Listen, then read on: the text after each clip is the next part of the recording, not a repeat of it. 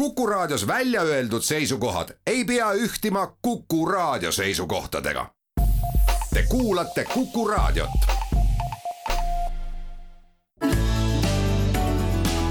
keskpäevatund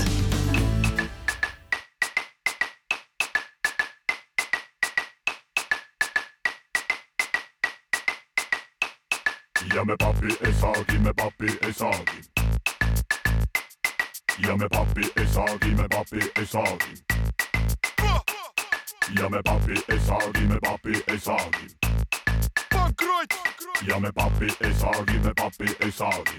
ja, ja, ja kergitan paati reedest saati, olen ekspluateerinud mitut joogivaati. Sõõrumaa, anna palun oma kreeditkaarti, muidu orgunni ma pean oma atendaati. sest mul on paha, laske mind maha tuumapohmell ja rahi pole, et lõpp tuleks klubis käest annan viimse sendi, libedalt, tengelpung on tühi, jälle nendin. kibedalt, sest keegi ei maksa kunagi piisavalt oma äridega suurem jagu alati länanud. ema aitab küllatalt laenata pidevalt, pole hea seega teha, papi pole meil nii pea. ja me papi ei saagi, me papi ei saagi, papi ei saagi, pole mõtet kartaagi. kulutused meil samas tõusevad Taiwan'i, me papi ei saagi, aga son voyage'i. me papi ei saagi, me papi ei saagi, papi ei saagi, pole mõtet kartaagi. kulutused meil samas tõusevad Taiwan'i, me aga son voyage'i. jälgi kontoris käin tööl, et saaks kodus lauda katta. ei nälgi päriselt veel puljongit on veidi panna patta, aga sõprade käest raha laenamata võin kinnisvara auto ostuplaanid maha maksta. iga jumala ma palgapäeval jälle mõistatan, kuhu kõik see rull läheb jälle ehmatan.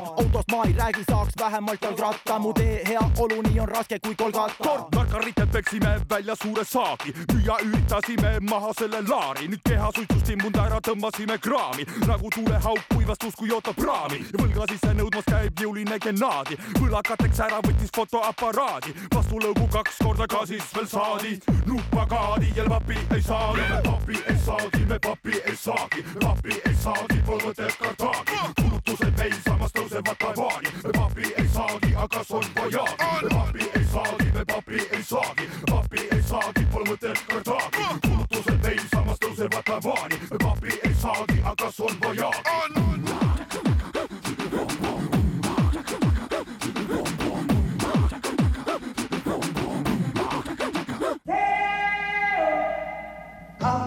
Tallyman, tally me banana. uudiseid koduvabariigist.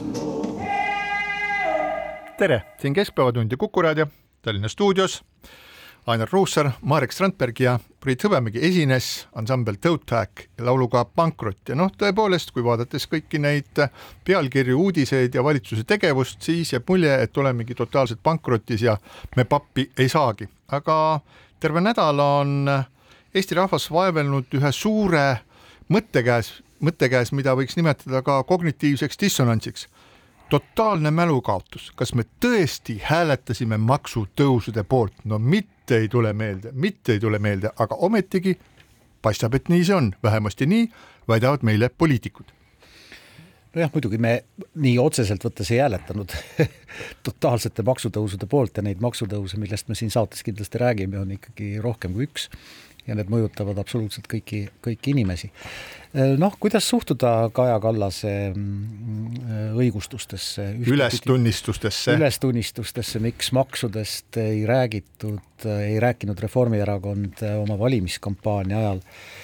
noh, neid, neid mõttevälgatusi oli ju paljusid, kuni selleni, et tegelikult maksutõusudest ei saa ka seaduslikult rääkida, kuna siis rahvas hääletaks nende vastu, aga kui tuleb teha noh, selliseid otsuseid, mis ei ole populaarsed, siis tuleb neid ka teatud hetkeni vaka all hoida, noh, mis kõlab sellise natuke koolilapseliku õigustusena. see on muidugi noh, kuidas ma ütlen, nagu täiesti uus käsitlus valimistest kui rahvahääletusest, et selles mõttes nii peenikese huumoriga pole veel asju võetud varem, kus on öeldud, et tead, kui rahvas saab hääletada poliitikute poolt, siis see ongi ju nagu rahvahääletus. Kaja Kallas et... ütles, lisan korra vahele, et Kaja Kallas ütles veel ühe minu meelest märkimisväärse asja, et see, kui ta rääkis, et maksud ei tõuse, see ei olnud selle valitsuse ajal räägitud jutt, see oli hoopis ühe teise valitsuse ajal räägitud jutt ja valitsused on erinevad jah, see vastab, vastab, vastab tõele. vastab tõesti tõele ja ega ütleme niimoodi, et et ka suutsin tähelepanu pöörata juba sellele, et minu meelest nagu valimistulemus on paras karikatuur. mitte sellepärast, et nüüd karikatuur alati ebaõige oleks või et ei kajastaks tegelikkust või midagi halvasti oleks, noh loomulikult iga mõistlik inimene saab aru, et kust sa ikka seda pappi võtad, kui, kui maksud ei tõuse ja olud on halvad ja mis iganes, aga see viis, see viis, millisel moel nagu noh, hoolitsetakse sellise ülima võimuga Äh, valimiste ajal valija eest, et noh, me ei räägi teile kõike. vaata, kui me räägiks teile kõike, siis pahad tuleksid võimule, kuna teised lubaksid midagi muud ja meie lubadus peab jääma saladuseks. ja, ja selles mõttes nagu ütleme niimoodi, et, et äh, küsimus ju pole selles, et kas tulemus on halb, tulemus võib olla täitsa hea aga meetod on selline, mis alavääristab valijat, meetod on selline, mis võtab demiurgi positsiooni kõikvõimalike teiste parteide suhtes, et noh, meie oleme siin, meie oskame öelda, vot nemad on natuke teistsugused, noh, nemad võib-olla saavad meiega koos teha, ehk et see noh, ma ei tea, mõned nimetavad seda ülbuseks või muuks asjaks, et see positsioon on nagu kummaline. Ja kõige huvitavam on see, et me nagu ei ole märganud, millisel hetkel Reformierakonna äh, ütleme siis üsna liberaalne ja maksude suhtes nii-öelda tolereeriv, maksu madaluse suhtes tolereeriv positsioon on asendunud sootuks uue ideoloogiaga või teine võimalus, seda ideoloogiat lihtsalt enam ei olegi. eesmärgiks ongi võim, võta see, kuidas tahad ja pärast, nagu me teame, võib koalitsioonilepingus kokku leppida mida iganes, sealhulgas ka Eesti kaksssadagi on ju öelnud, et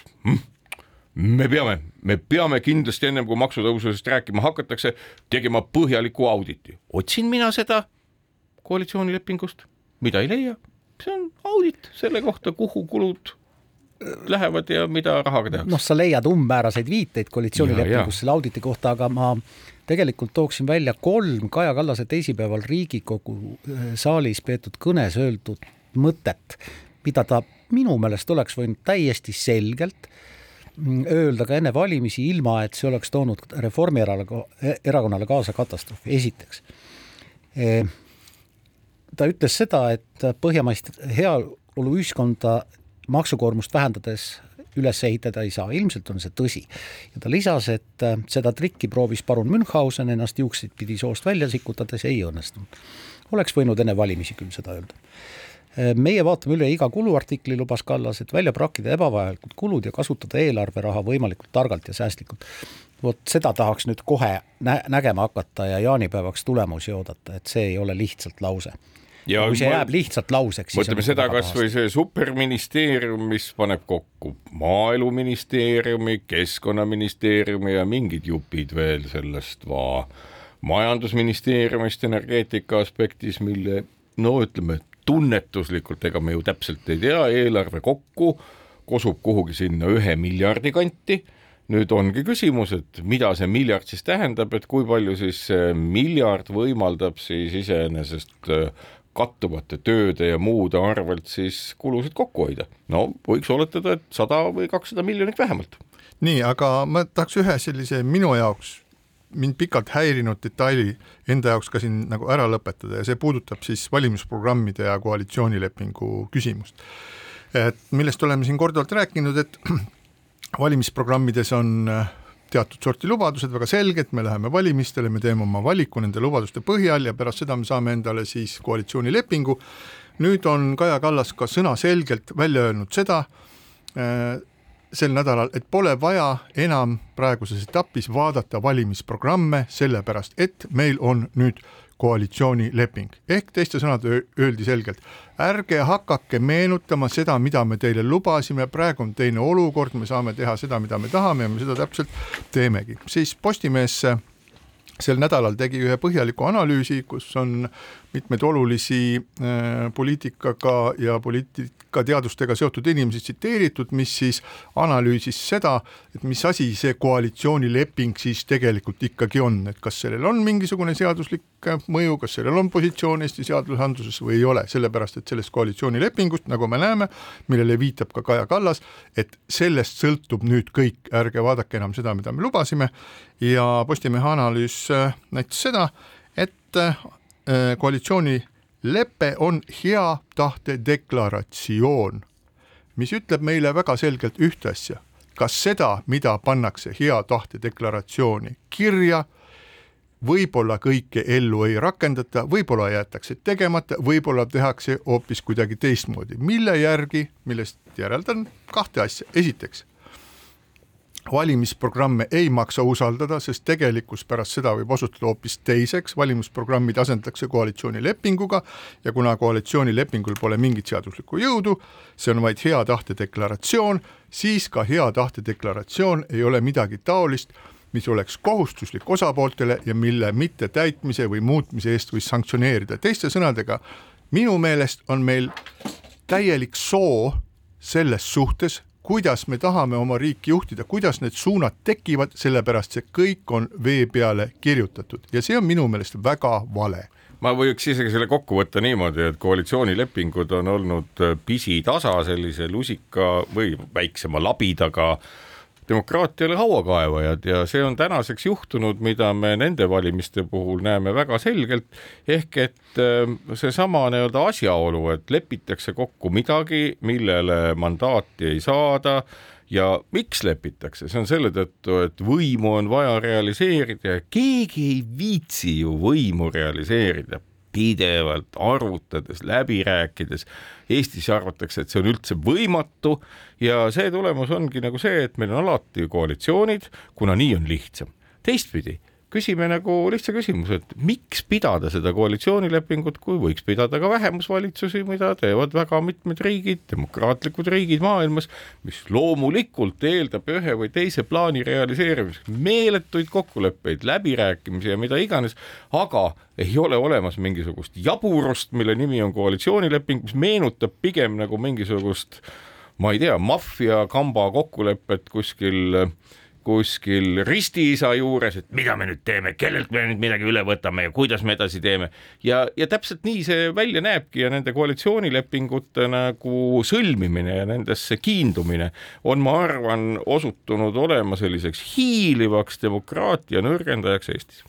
nojah, see kõik on õige, et äh, tegelikult äh, meie traditsioonis noh, juba ainuüksi sõna leping või kokkulepe eeldab seda, et äh, normaalsed inimesed, kui nad on milleski kokku leppinud, siis nad seda kokkulepet ka peavad, ilma et see omaks seadusjõudu. kui me oleme kokku leppinud, et me saame laupäeval kell kaksteist Kuku raadio saates Keskpäevatund kokku, siis see ei ole seadustatud. me saame ja me ei tee koalitsioonilepingut Aga..., mis, mis ütleks, et äkki me tuleme siia kolmapäeval kell seitse õhtul, kui meil on kõik töö, kodused äh, tööd tehtud. just, aga mm, mida koalitsioonilepingus on väga vähe, on tegelikult konkreetseid tärmineid ja tähtaegu, mida ma oleks oodanud rohkem ehk siis, kui seal see leping kubiseb sellistest väljenditest nagu, väljenditest, mis ei tähenda, sõbrad, mitte midagi, nagu jätkata, toetada, kaitsta, otsida võimalusi, seame eesmärgi, peame vajalikuks, siis tegelikult oleks need terminid hoopis teise kaaluga ja hoopis teise tähendusega kui pelgalt bürokraatlikud sõnad, kui seal taga oleks mingisugune tähtaeg, mingisugune kuupäev siin on veel üks asi, et huvi pärast sai kasutatud ju äh, kõnemudelit, chat GPT-d, milline on igati valmis äh, bluffima alati, kui asi puudutab fakte ja on midagi väga hägust, siis ta mõtleb välja täieliku vale. üks asi, mida teeb chat GPT üsna hästi, on analüüsib loogiliselt erinevaid avaldusi, matemaatilisi või ka verbaalseid, nii nagu see koalitsioonilepe on. Ja enamus koalitsioonileppe punkte, tahate või mitte, on noh, üldiselt äh, tõlgendatud selles samas analüüsis. No, enam-vähem okei okay, nii-öelda eesmärkide poolest. Ja see, mida see masin leiab, täpselt nii, nagu sa Ainergi praegu ütled, on arvukalt vastuolusid, ebamäärasusi sellel teel, kuidas seda asja ellu viia.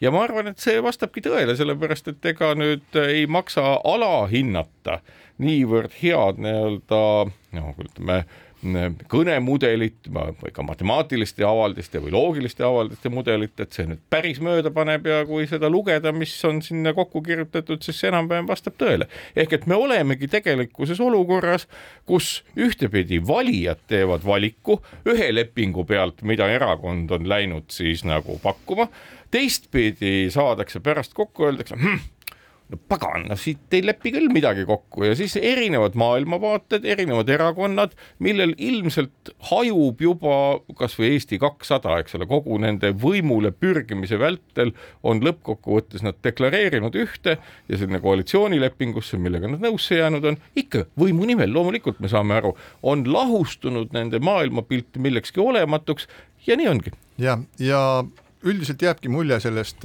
võimu realiseerimisest ehk siis võimu enda kätte saamisest kui sellisest väga paljude no ma ei tea, kas valede, valede puntrast on nüüd palju öeldud, aga igal juhul see ei paista sellise puhtsüdamliku ja ausa tegevusena, igal juhul on seda ka on seda ka aru saada siis sellest, mida siis Kaja Kallas on öelnud täiesti selgelt, et kui me meenutame seda, kus ta ütles, et mak-, veel hiljuti makse ei tõsteta, lugege mu huultelt, pärast seda maksed tõusid, äh, kuidas on äh, põhjendatud seda, äh, miks koalitsioonilepingus esile toodud asjad nii väga erinevad erakondade plaanidest, aga see selleks, aga lähme nende maksu, tähendab mitte päriselt see selleks, aga ma arvan, et nüüd järgmiste valimiste eel, kui samad erakonnad veel ikka on olemas ja tahavad jälle saada võimule Võimu. tahab võimu,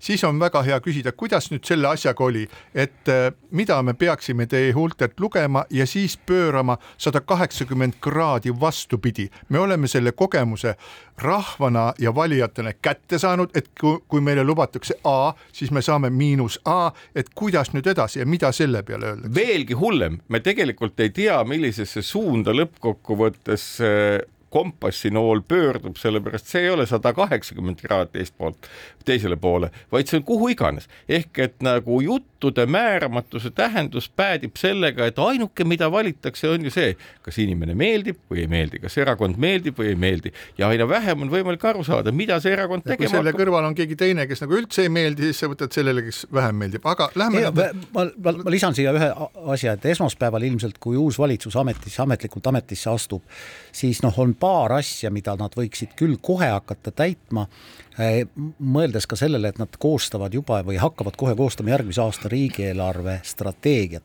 ja see on nende kulu, nende lubadus eh, koalitsioonilepingus, me vaatame üle iga kuluartikli, et välja praakida ebavajalikud kulud ja kasutada eelarveraha võimalikult targalt ja säästlikult. see lause muidugi tähendab mu,, muide, tähendaks seda, et me ütleme jah, need kulud maha, need kulud maha, need kulud kokku ja nii edasi. Iseenesest ma ütlen veelkord, et ega ju, ega ju me ei, meil ei, me ei pea arvama, et nüüd on nagu kurjus võimule saanud, et loomulikult me eeldame seda, et enam-vähem viisakad inimesed ja saavad aru, milles olukord on, taipavad maailmapilti terviklikumalt ja ega siis ju keegi ei eeldanud et noh, näiteks nagu ei tea kust laenu võtmisega hakkab meie majandus kasvama. noh, mõned võib-olla eeldasid, aga nii-öelda see, see ongi nagu mõnes mõttes niisugune dissonantne olukord ka valijate poolelt, et, et olles küll petetud paljude asjade pärast, mida on blufitud, on lõpptulemus ju hetkel mitte kõige hullem. ja, ja ilmselt parim võimalikest. ja, ja see vastuolu no nõuab inimestelt teatavat sellist nagu tuimeldamist või. see nõuab enda..., see nõuab meilt kõigilt pingutust, aga ma loeksin ette siis maksumuudatused, mis meid ootavad.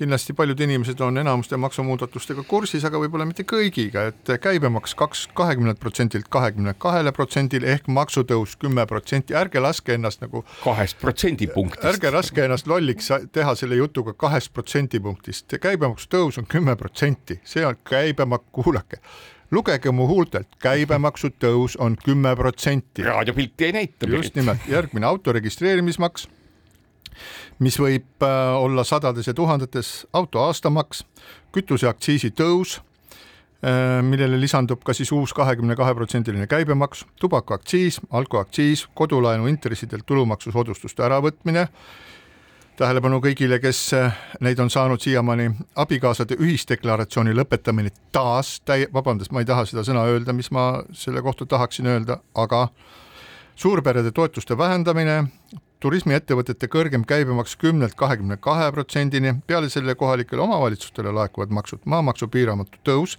ehk piir, piirkonniti kaheksa kuni nelikümmend korda, tuletame meelde, et äh, äh, on nüüd lõpuks on ära tehtud siis uus äh, nii-öelda maa hindamine, mida tehakse siis tehingute keskmise äh, hinna põhjal. Ja selle tõttu on, vaatasin äh, hommikul mingisugust konkreetset maalappi, siis on maa hindamine tõusnud ühest, maa hind tõusnud ühes Tallinna on piirkonnas on tõusnud viis korda, mis tähendab seda, et äh, koos selle maa hindamisega räägiti ka sellest, et selle maamaks ei tõuse üle kümne protsendi, mis teeks selle inimestele kergemini talutavaks, aastas ei tohi tõusta üle kümne protsendi, nüüd on see piirang ära võetud, nii et kui mingisugune hullumeelne on mingis kohalikus omavalitsuses äh, pumba Neid juures, ta ütleb, et aga meil on nüüd sada protsenti, palun väga, ja kui ei saa makstud, siis kolige välja või müüge maha.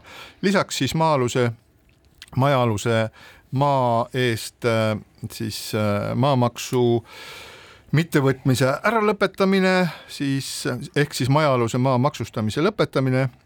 Ja siis Kaja Kallase poolt on soovitud maksustamise makse... jätkamine, mitte lõpetamine. just, ja Kaja Kallase poolt soovitud maksud kohalikele omavalitsustele, turismimaks, ummikumaks, haljastusmaks, nii et äh, ma arvan, et elu saab olema põnev, saab olema mitmekesine, meil on mitmesuguseid erinevaid tasemeid, mis võivad siis oma makse tõsta läheb kindlasti kõvaks madinaks, mida tahab teha Tallinn, mis toimub eh, erine-, maamaksudega erinevates ko kohtades, kuidas hakkab üldse ta hotellisektor, saab hakkama sellise hüppelise äh, hinnatõusuga ja nii edasi ja nii edasi. enamgi veel ühte asja, mida ma tähele tahan, tähelepanu tahan juhtida, on see, et ka paljud omavalitsused, kes on jäänud nagu äh, rahahädasse, no kust nad seda võtavad, ega nad ju ettevõtlust ei edenda, siis loomulikult kehvas järje ja kehval järjel omavalitsused, keda ähvardab pankrot, loomulikult tõstavad jälle mingeid makse. nojah, pole ju midagi uut, tegelikult turismimaks, äh, makse on kehtestanud väga paljude riikide, väga paljud omavalitsused. kuule, see on üks-kaks eurot, kui sa lähed riiki... sinna hotelli, see ei ole no, ju mingi maks. jah, noh, hotellitoa, see, et hotellituba muutub umbes kümme protsenti kallimaks, puudutab väga paljusid piirkondi, eelkõige on näiteks Ida-Virumaa turismiklaster ikkagi väga mures, sellepärast et Soome turistide arv viimastel aastatel sellesse piirkonda on kasvanud ja nüüd nad kardavad, et see ei kasva, kui kui äh, sealsete hotellide hinnad äh, kasvavad kolmteist protsenti. ja turismiettevõtete käibemaks tõusis kümnelt kahekümne kaheni. päris märkimisväärne jah, neil oli, äh, neil oli seni jah, tõepoolest sooduskäibemaks üheksa protsenti, see nüüd kaob, kaob ära, nii et noh, ummikumaks, ma ei tea, mis see on, haljastusmaks, ma ei tea, mis see on, noh, on, ajalugu tunneb ka habememaksu ja ma ei tea, mis makse veel. aga siinkohal väike paus. keskpäevatund.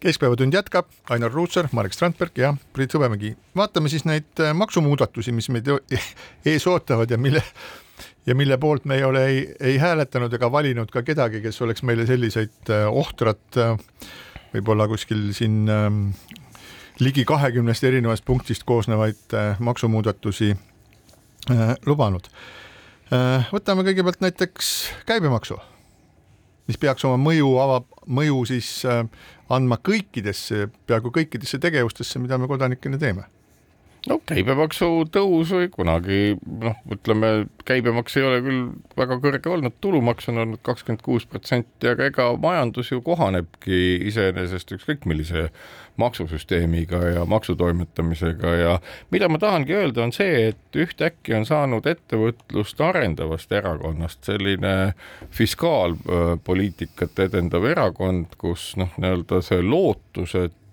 ettevõtlust juurde tuleb on asendunud sellega, et äh, vaatame, kui palju me saame kusagilt raha kokku kraapida, noh, aeg on ka selline, loomulikult tuleb vaadata seda, et mis muud ikka teha. et ega ettevõtlus nüüd ei lähe õitsele mingisuguse hetkega aga noh, näiteks ka seesama nii-öelda dividendide maksustamise kasvatamine, kuigi noh, selle laekumine kasvu pealt eeldatavalt on mingi mõnikümmend miljonit noh, mingi mõnikümmend miljonit, tegelikult päris märkimisväärne mõnikümmend miljonit, on see teistpidi jälle ettevõtjatele signaal, kes siia nii-öelda soodsama dividendimakse peale on kokku tulnud, et mis põrgut, et noh, et nagu ei ole siin me ka oodatud.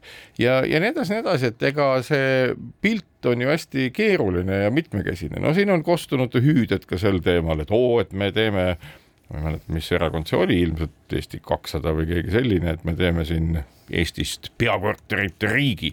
Noh, peakorter peakorteriks, lennuühendusi pole internet on kallis, kõik muud asjad ka siia juurde, et ega see unistus, et me teeme peakorterite riigi, see tähendab ikkagi paljud muud tegevust, mis peaks siin kuidagi tehtud olema eelnevalt juba. me võiks ju unistada väga paljudest asjadest, noh nüüd me unistame sellest, eks ole, me teeme Eestist laskemoona tootmise riigi, noh, mis sellest välja tuleb, ma ei tea no selleks, et tuua kõikide keskuste, keskused siia kokku, selleks peaks jõudma viie rikkama riigi hulka enne, aga aga käibemaksu puhul paljud ettevõtjad on muide avalikult tunnistanud, et kuna nende toote omahind võrreldes kõigi-kõigi maksudega, mis sellele lisandub, enne kui ta tarbijani jõuab, on niivõrd väike, siis koos selle käibemaksuga tekib ka kiusatus tõsta toote omahinda, isegi kui selleks otsest vaja, vajadust ei ole. ja loomulikult. ja, ja muidugi see kiusatus on, nii et noh, tegelikult äh, see käibemaks mõjutab noh,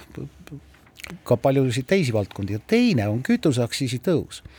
Äh, on läbi käinud, et äh, seda tahetakse teha juba järgmisest aastast kolm senti liitri kohta, me ei tea, mida teevad kütusehinnad järgmisel aastal.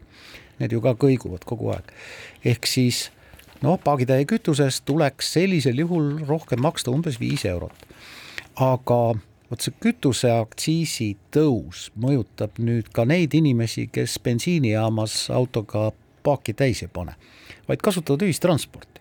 sellepärast, et kütuseaktsiis mõjutab ilmselt mingi hetke pärast ka pileti hinda, noh ei saa hoida pileti hinda madalamal kui kui see ära tasub bussiettevõtetele. vaat siin tulebki nüüd kõne alla seesama asi. rongiettevõtted. ja millega sõidetakse, kuidas sõidetakse, et see kõik asi nii-öelda lõppkokkuvõttes noh, ma vähemalt aiman seal taga või väga paljud on ka deklareerinud seal taga nii-öelda osalemist selles samas uues tööstuslikus rohepöördes Äh, rohelises revolutsioonis või nimetame kuidas tahes, et siin hakkab nagu kütuse iseloom rolli mängima, sellepärast et täna on olemas kütuseid, mis iseenesest toodetud näiteks puidust, noh, võib öelda, et on diiselkütus, pean silmas, on üsna nii-öelda väikese ökoloogilise jalajäljega, samas tähendab see seda, et me peame nagu otsa vaatama ka näiteks niisugusele veidrale asjale nagu biogaasile, mille ühe tonni biogaasiga käib kaasas umbes kaksteist tonni süsihappegaasi emissiooni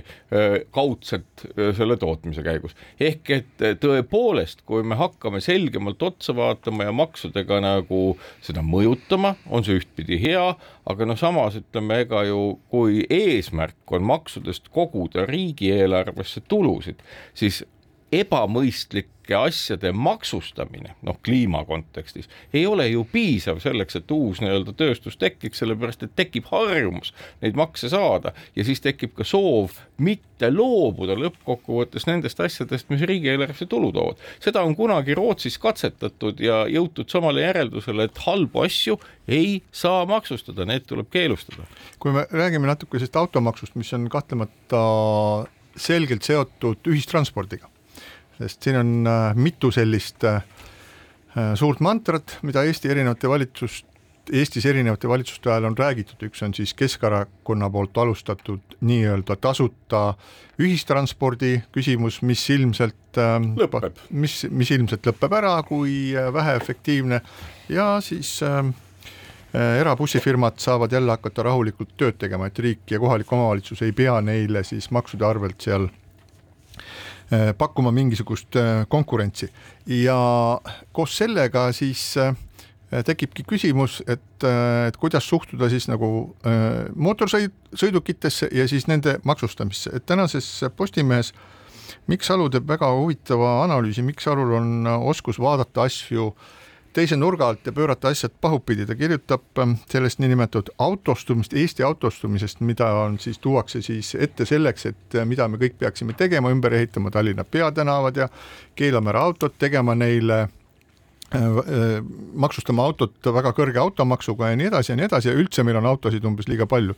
et selle juures ei arvestata kahte olulist asja, et Eesti on väga hõre, Eestis elab vähe inimesi ja võrreldes ähm, Eesti suuruste riikidega, nagu seal ähm, Taani või Hollandiga, on see vahe hoopiski suur, näiteks Mikk Salu kirjutab, et Eestis on sõitvaid autosid umbes kuussada tuhat, aga näiteks Eestis pindalalt väiksemates Taanis ja Hollandis sõidab Taanis umbes neli miljonit ja Hollandis kaheksa miljonit sõiduautot, kusjuures automaks on neil, nagu ta kirjutab, sajaprotsendiline pluss veel kõikvõimalikud eh, muud koormised. ja Taanis on siis autode osakaal liikluses kaheksakümmend viis protsenti ja pole karvavõrdki vähenenud maksude tõstmise tõttu, nii et eh, kui äh, tekib automaks, kuigi see on väga keeruline praegu ette kujutada, et mille põhjal ja kuidas seda siis lõppkokkuvõttes tehakse, ei tähenda see üldse seda, et autode kasutamine väheneks. Ja ma arvan, et arvestades seda, et maapiirkondades elavatele inimestele juba praegu see niinimetatud tasuta ühistranspordi tingimuses ja tulevikus veelgi enam, kui see, kui ka see tõenäoliselt kaob, siis neile on hädavajalik mingisugune, on äh, selline personaalne transport hädavajalik. Ja, ja, ja siin ma ütleks, et, et see on nagu hämmastavalt kuidagi kinni jooksnud ühte kohta kogu see diskussioon, et auto et ma tänagi kuulsin, et autod meil on nii-öelda saast-, nad on vanad, nad on saastavad, et äh, kui me võtame ka elektriautod, näiteks äh, praegu on suur probleem nende kaheteist aasta vanuste Mitsubishi Evodega, mida siis kohalikele omavalitsustele jagatakse. Miievitega. Miievitega jah, mis mädanevad, ei idane, ühesõnaga, mis sisuliselt äh, tuleb kõik ära visata. et elektriautode tulevik ja see, et kuidas neid hakatakse utiliseerima, et see on nagu väga ebamäärane, aga mis mind häirib kõige rohkem selle äh, autode sellise demoniseerimise diskussiooni juures on see, et täielikult jäetakse nagu kõrvale tehnoloogilise progressi ja tehnoloogilise arengu ja innovatsiooni aspekt, et kõik areneb, et sisepõlemismootorid nagu sa isegi, Marek, üks päev äh, rääkisid, et on tehtud jälle mingisugune hüpe sise, sisepõlemismootorite arendamises, kus nad kasutavad vähem kütust, oluliselt vähem kütust, saastavad veel, oluliselt vähem. enamgi veel, äh, sisepõlemismootorites põletatakse täna väga edukalt vesinikku, mis on toodetav täiesti roheliselt. Nii et selles mõttes äh, kõik need, kes räägivad autostumisest ja automaksudest, et võiksid nagu sellest krambist välja tulla, et see ei ole nagu hobune, et ta muutub ainult ainult äh, seal kümnete tuhandete ja sadade tuhandete aastate jooksul. hea, et meenutasid neid Mitsubishi Miieveid, mis äh, muideks meenutan sotsiaalminister Hanno Pevkuri, kes nüüd kaitseminister täna, meeletu kampaania korras siis eelnevatel ühtedel valimistel, kaks tuhat üksteist eelnevalt sai siis jõuliselt läbi aetud, et just Jaapanist tuleb osta just neid pisikesi käkke Äh, ilma selleta, et oleks tehtud ühtegi katsetust, kui kaua nad vastu peavad, kui suur tegelikult see kliimasõbralik samm on. Ja reaalsus on selles, et need masinad on kasutades tavalist elektrit saastanud tõenäoliselt kliimat ja keskkonda rohkem kui mis iganes sisepõlemismootoriga auto, kuna see oli kampaania korras hangitud. ja selles mõttes nagu ega ei ole ju Hanno Pevkuri DNA-s ega ka Reformierakonna DNA-s midagi väga oluliselt vist muutunud, et me oleme mõnes mõttes ju sama riski ees, et samasugune ülejala kampaania korras tehtud sammude ahel võib käivituda ka sedapuhku. jah äh,, rääkides äh, automaksust, siis siin on ka üles loetletud äh, noh, sõidukid, mis selle alla kindlasti kuuluvad, sõiduautod, kaubikud, veoautod, bussid, ATV-d, lumesaanid ja, ja, ja nii edasi. aga mootorrattad? vot mootorratta nimetust ma ei leidnud, aga ma arvan, et mootorratas on ka seal. ma mäletan Eesti varastest üheksakümnendatest oli kunagi selline asi, kuidas äh, Äh, riigikogu võttis vastu seaduse, milles oli üles loetletud kõik sõidukiliigid, mida see seadus puudutas, aga sealt oli tramm välja jäänud ja siis tuli seda seadust parandada. ehk siis minu meelest võiks sinna lisada siis ka need äh, Iraani droonid, mis töötavad äh, selle muruniitja mootoriga teatavasti. ja, ja, ja noh, minu jaoks on vastus küsi-, vastuseta küsimus, et on paljusid riike, kus inimene on valmis ostma elektrimootoriga uue Tesla, mis on päris kallis auto. Norra näiteks. sellepärast, et riik toetab elektriautode mm, ost omalt poolt, mitte ei maksusta seda kõrgemalt. aga on veel üks, on veel üks valdkond, millel tasub silma peal hoida. see on IT ja noh, mulle jäi silma, et Eesti kakssada ministri in, infotehnoloogia majandusministri portfell kuulub Eesti kahesajale, Tiit Riisalole aga selle erakonna suurtoetajad on ühtlasi ka Eesti võimsamate tarkvarafirmade juhid Priit Alamäe ja Nortali juht ja Helmese juht Jaan Pillesaar.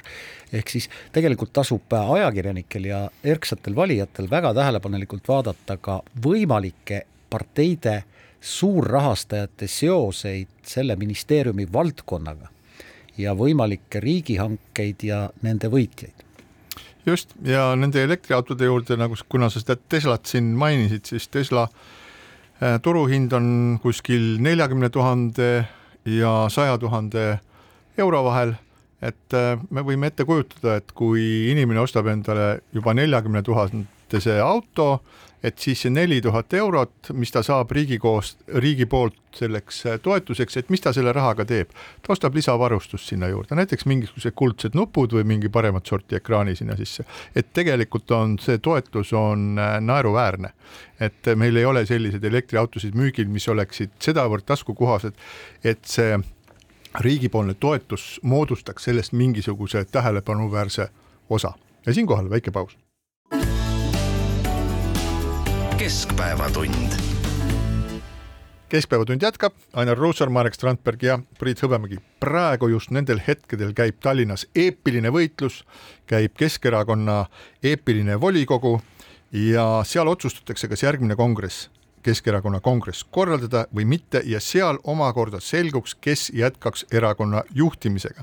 Priit, täpsustus, mitte erakorra, mitte erakonna kongress, vaid erakorraline kongress. erakonna kongress toimub teatud traditsiooniga niikuinii. erakonna erakonnaline, erakorraline erakongress ja Äh, selles äh, eepilises võitluses on taas selgunud, et on kaks poolt, mis teineteisega omavahel ei klapi, on Jüri Ratase pool, kes viis oma erakonna valimiskaotuseni ja Mihhail Kõlvarti pool, kes siis äh, on betoneerinud oma võimu Eesti Vabariigi pealinnas Tallinnas ja sooviks minna edasi tervet erakonda juhtima. Ja nagu Jüri Ratas oma kõnes volikogu ees ütles täna on siin ruumis elevant. Ja selge on see, et elevandi all saab mõista ainult Mihhail Kõlvartit. Muidugi see Keskerakonna absoluutne võim Tallinnas on loomulikult ka fiktsioon ehk et äh, antud hetkel tuleneb ta sellest, et äh, sotsid kangesti ka võimu tahavad Tallinnas jagada, mille tulemuseks on see, et kui üldine riigiseadus ütleb, et ega meil enam vene koole varsti ei ole, siis on Mihhail Kõlvart, Kõlvart nagu, nagu ka paljud teised välja öelnud, ei, ei, see on ikka äge, et meil niisugune asi olemas on. Ja pange tähele, see, et Tallinnas lakkaks olemast pikalt korruptiivselt, kuritegelikult käitunud erakonna eksistents on täna ainult nelja erakonna kokkuleppe küsimus, kes võiksid üleöö hetkeliselt umbusaldada seda kampa ja võtta ise võim ja korraldada asju eestimeelsemalt. aga ei, aga ei ja me oleme siinsamas Kuku raadio stuudios keskpäevatunnis rääkinud sellest, ma arvan, kümmekond aastat või isegi rohkem, sest mina olen siin umbes kuusteist aastat selle mikrofoni taga juba istunud Keskpäevatunnis ja me oleme pidevalt näinud seda, et Reformierakonnal ükskõik, mis ka maailmas, riigis ei toimuks, ei ole mingit salapärasel põhjusel mitte mingit huvi võtta võimu Tallinnas. alati, kui nad on Toompeal, jäetakse ta Tallinn Keskerakonnale, isegi siis, kui nad ei ole Toompeal või asjad on kehvad, jäetakse Tallinn ikkagi Keskerakonnale. Ja kõikide nende aastate jooksul on olnud üks juhtum, kus Reformierakond on jaganud võimu, mõne aja pärast said nad sealt jalaga tagumikku ja sellega on kõik ja ma ei tea, mis on selle põhjuseks, kas see on nagu omavaheline võimu kokkulepe või see on lihtsalt nagu arusaamine, et nad ei taha ennast üle pingutada, see on siis sõjaline termin overstretching, et nad ei taha seda rindejoont liiga pikaks venitada, nad ei jaksa lihtsalt võidelda korraga alllinnas ja Toompeal. ma arvan, et see on üks põhjus ja, ja noh, väga palju on räägitud sellest, kas see, et Toompeal ja alllinnas oleks sama võim või, või, või oleks kasulikum hoopis, et oleks eraldi võim. ma arvan, et tegelikult äh, see sinu poolt mainitud näide, et miks ei taheta võib-olla nii väga olla võimul Tallinnas ja Toompeal samaaegselt, on see, et äh, Toompeal on niigi palju probleeme ja Tallinna probleemid tuleksid siis nagu veel sellesse üldisesse suurde kasti juurde. Tallinna probleemid ei ole väikesed ja me oleme Muidugi viimase pooleteise kahe aasta jooksul kõnelenud neist korduvalt ja need on tegelikult sellesama nii-öelda äh, rahvusriigi kestmisega seonduvad otsesed küsimused, hariduse küsimused ja nende nii-öelda suurim sellise vana moe edasikandja ongi Tallinn ja selles mõttes on muidugi huvitav vaadata, kuidas kuidas tänasel hetkel siis nii-öelda toimub, nagu sa Priit ütlesid, eepiline võitlus tantsija ja kick-poksija vahel, mis on nagu ka üsna karikatuurne tegevus, aga ma saan aru, et ega ju Jüri Ratas tänasel hetkel on nagu aru saanud, et et kui ta laseb äh, toimida erakonnas demokraatial, siis pühitakse ta sealt tõenäoliselt minema, mille peale ta on ka öelnud, et noh, kui tuleb erakorraline kongress, siis mina seal ei kandideeri loomulikult, eks see võimuvõitlus käib nagu igal rindel ja võim tuleb võtta, seda ei anna mitte keegi mitte kunagi, aga võitlus Keskerakonna võimu pärast on nii kaua meile oluline, kui antud hetkel oma poliitilist mandaati, mille rahvalt on saanud ülejäänud neli erakonda ehk siis sotsiaaldemokraadid, EKRE, Eesti kakssada ja Isamaa ei kasuta, siis tegelikult nii-öelda pobiseb siin vaikselt ja podiseb siin vaikselt selline nii-öelda kultuurikonflikti katel edasi ja see ei kao mitte kuhugi. umbes tunni aja jooksul peaks selguma, kas siis Keskerakonna volikogu otsustab kokku kutsuda erakorralise kongressi ja valida erakonnale uus juht. praegu on teatanud ainult Mihhail Kõlvart, kordame selle üle, et tema on valmis kandideerima Keskerakonna juhiks, juhul kui tuleb erakorraline kongress Jüri Ratas on öelnud, et tema seal erakorralisel kongressil ei kandideeri, aga Jüri Ratas käis küll oma kõnes välja ka mitu nime, kes võiksid olla Kõlvarti ähm, vastaskandidaadid Keskerakonna juhi koha peale ja Ratase poolt mainitud on muide Yana Toom, mis mind natuke üllatas, aga ka Jaak Aab, Jaanus Karilaid. Jaanus Karilaid on siin Kuku raadio stuudios mitu korda öelnud, et tema ei kavatse kandideerida ja ka Tanel Kiik no ütleme niimoodi, et eks see näeb välja sellise naljaka toimetamisena ja loomulikult ega need pinged kasvavad kõvasti, noh, võib-olla siis need neli, noh, kellel tõesti esmaspäevast alates on Tallinna volikogus neljal erakonnal võimalik lõpetada see piin, mida me oleme aastakümneid pidanud Eestis taluma, nimelt Keskerakonna äh, munitsipaalvõimlemise piin, mis on üsna vaevaline. volikogu istung on neljapäeval kell kuusteist. jah, neljapäeval juba tead, vot neljapäev. ta on igal neljapäeval kell kuusteist no, Tallinna volikogu. haritud inimene, mina ei ole nii, aga et äh, see, see, see asi on võimalik lõpetada siis järgmisel neljapäeval täpselt kell kuusteist. umbusaldusavaldus Kõlvartile, neli erakonda kokku leppida, no tehke see ometi ära, no kaua võib kannatada kogu seda jama, mis Tallinnas toimub, kõiki neid aga kuidas... täpselt seesama ei ole vaja Reformierakonnale seda jama, neil on neil on megajama praegu kaelas, neil on megajama sellepärast, et nad on jäänud vahele ilmselge vassimisega ehk et äh, lubasid, et huultelt keskmiselt huultelt lugeda, maksud ei tõuse, maksud tõusevad nii mis kole ja nad peavad sellega klattima ja nende see klativadki. valitsus, valitsemise algus on äärmiselt ebaõnnestunud ja, ja see on asi, mis neid no, jälitab tükk aega enam..., nad ei taha mingisugust ja... uut janti veel Tallinna linnas hakata mõelge, jagelema Keskerakonnale. kui on veel üks jant veel mingisuguses kohas veel üks kaklus, kus on veel kedagi kaasatud, siis võib-olla valitsuse pealt läheb see tähelepanu ära. no ma, mõelge ma... vähemalt suhtekorraldajad seal seal Toompeal, et äkki sellest võiks abi olla? ma toetan Priidu mõtet äh, sajaprotsendiliselt, ma arvan, et väga paljude erakondade jaoks, olgu nad siis Toompeal opositsioonis või koalitsioonis, on erakordselt mugav Kõlvarti juhitav Tallinn ja absoluutselt just. välja arvatud Tallinna elanikele. ja vaatame nüüd seda, millised muudatused on siis linnajuhtimises toimunud, et äh, läksid äh, Tanel Kiik ja äh, Vadim Belobrovtsev läksid siis äh, Riigikokku, läksid äh, fraktsiooni, kus siis Kõlvartil ei ole enamust, aga vähemasti nad toetavad seal, tugevdavad seal Kõlvarti tiiba.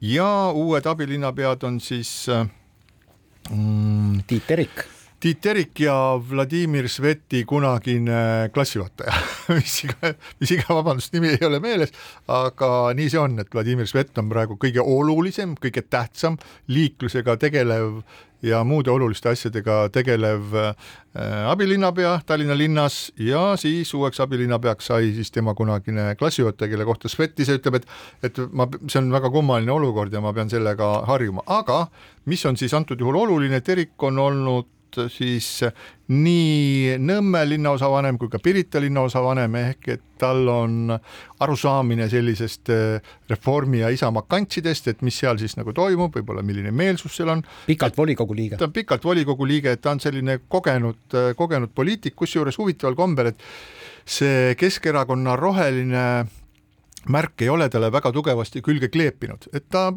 ta on selline munitsipaalpoliitik ja, aga siis äh, uus inimene, kes hakkab äh, tegelema haridusküsimustega, mis on siis väga üliolulised, liiklus ja haridus on kaks kõige olulisemat teemat Tallinna linna valitse-, valitsemises, meenutame, et Mihhail Kõlvart ise oli abilinnapeana, oli haridus, äh, kureeris siis haridusala ja just nimelt Kõlvarti seisukoht selles, et on liiga vara minna üle eestikeelsele õppele, et seda tuleb veel siia, siiapoole, sinnapoole tuleb veel lihvida, siis nüüd on meil olemas ka äh, abilinnapea, kes räägib täpselt sedasama juttu, ütleb, et nii kähku ikkagi ei saa, et me peame siin vaatama, mõtlema, lükkame, lükkama edasi seda asja ja nii edasi ja nii edasi, ehk et ta on nagu tugevdab seda Kõlvarti positsiooni, mis omakorda viib meid järjest kaugemale sellest möödunud valitsuse poolt vastu võetud otsustest et äh, võimalikult kiiresti saada ühele poole eestikeelse õppega, nüüd oleme me jälle sellise valitsuse ja sellise linnavalitsuse juures, kes ei, ei, ei, ei saa praegu, et ikka nagu liiga kiiresti ja kus me jõuame. just, äh, selle inimese nimi on Andrei Kante, kes on juhtinud rööbiti kahte vene kooli Lasnamäel